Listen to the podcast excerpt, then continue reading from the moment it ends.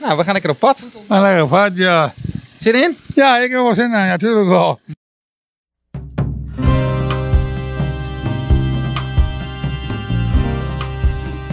Leuk dat je luistert naar Hulpboer Harm. Ik ben Freek Koster en ik maak deze podcast samen met Harm Mollema. Harm werkt bij mij op de boerderij en dit jaar wordt hij 70. Maar hij wil nog blijven werken tot zijn 80ste. Samen willen we jullie verhalen vertellen over zijn leven. Dit is aflevering 1. In deze aflevering leren we Harm kennen en praten we met oud-zorgboer Anne. We gaan dus een podcast maken. Ja. Waar denk je aan bij een podcast? Wat, wat, Jij hebt nog wat, denk, jij dat het, wat denk jij dat het is? Zo'n radio. Het is eigenlijk een soort radio-uitzending. En, en eh, ga je dat ook uitzenden op de over radio? Op TV Drenthe? Nou, dat, dat gaat tegenwoordig via internet. Oh, internet. Ja. Oh. Maar je, Internet heb ik niet. nee, maar we gaan wel zorgen dat jij het gewoon kan, lekker kan afluisteren. Oh. Want anders is er toch niks aan. Nee, dat is ook zo, ja. Ja. Maar ik heb er geen DVD van, man. Eh, ik kan er wel een cd voor in je cd-speler van maken. Ah, doe dat maar. Ja, toch?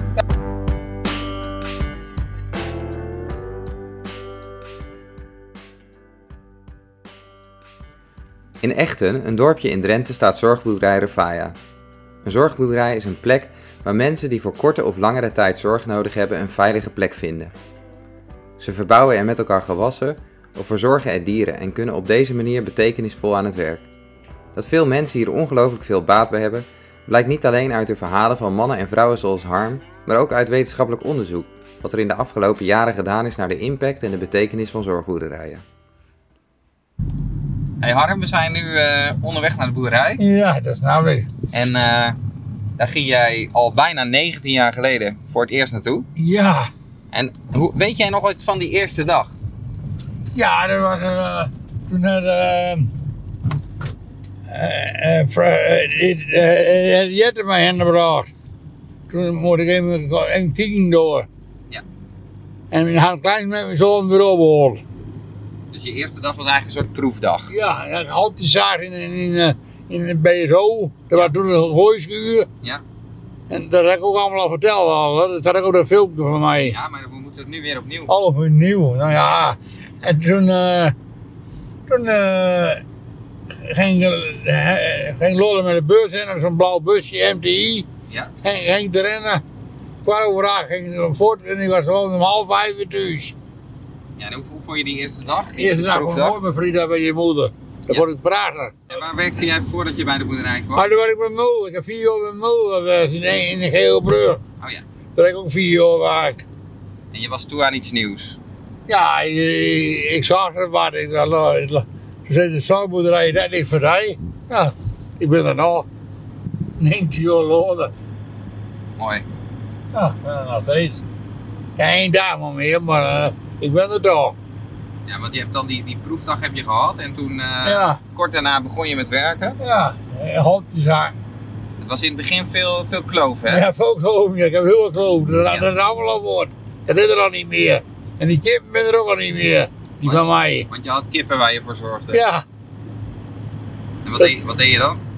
En op, eh, eieren, de, eerste keer dat ik de, de filmpje kwam met Jan Otten, had ik keer man 16 eieren uit.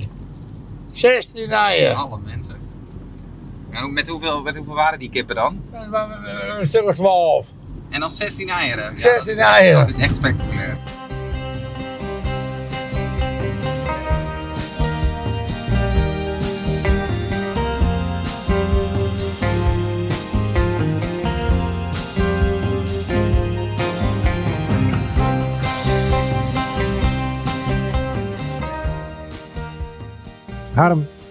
Kijk, de, de wind komt langs. Ja, we zitten echt buiten. We zitten in de ach- achtertuin bij eh, Anne en Linda Harm. Lekker in het zonnetje. We hebben, we hebben geluncht. En Wat heb jij gegeten? Haringje en kibbeling en een hamburgertje. Dus de buik is weer vol. En, eh, en wa- waarom zijn we hier? Waar, wat doen we bij Anne? Nou, ik ben eh, in 2002 bij Anne gekomen en bij Anne en, en eh, Frida. En ik ben er nooit weer weg geweest.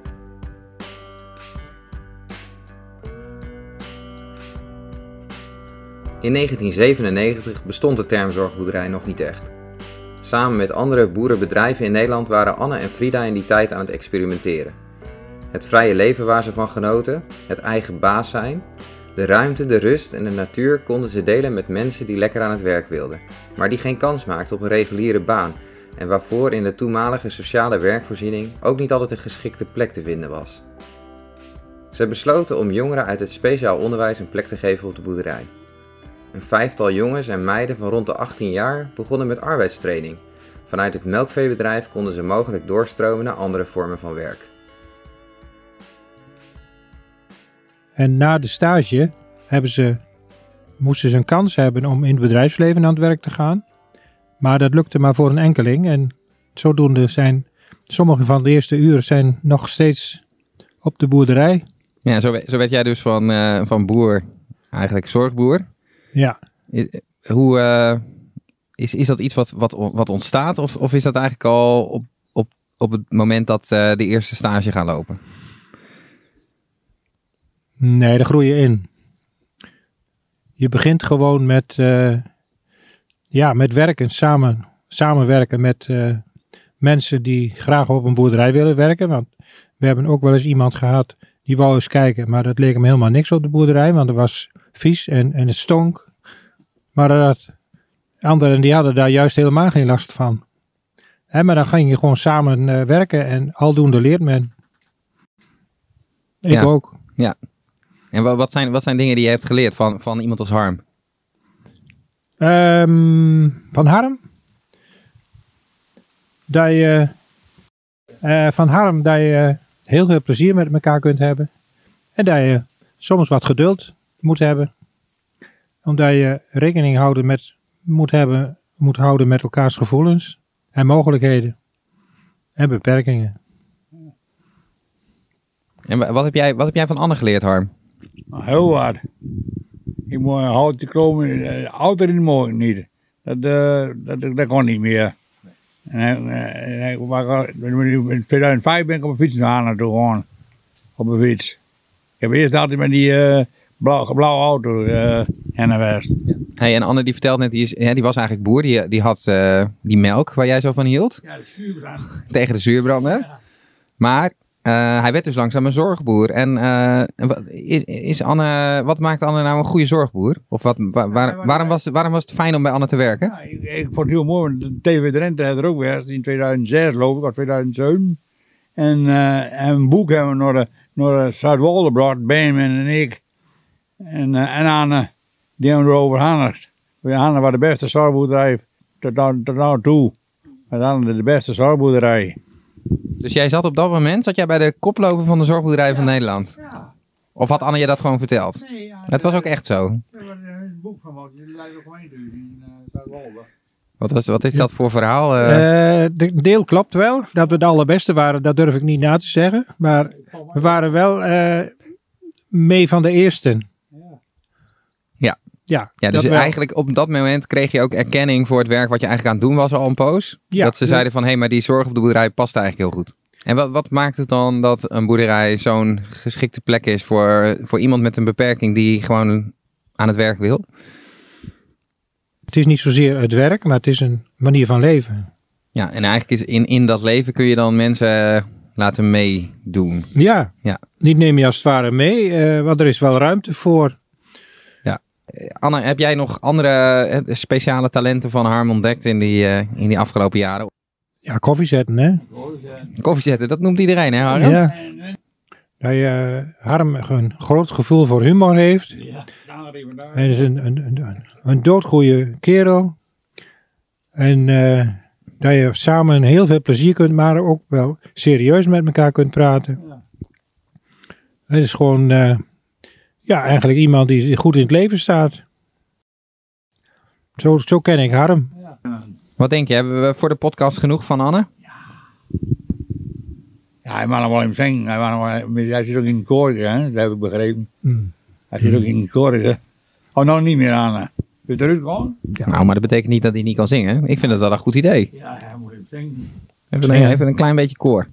Voor Harm's podcast. Ja,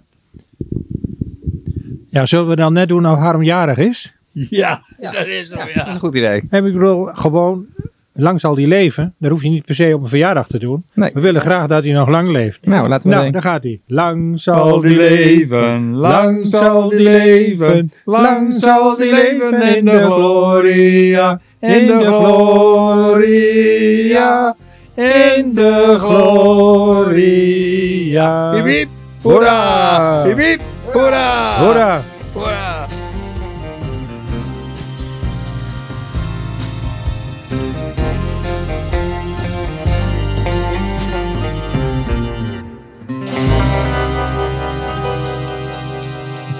Schuren heb ik een kleine haltjeszaak middags. Ik was midden een haltjeszaak en alle dorp ook al kloven.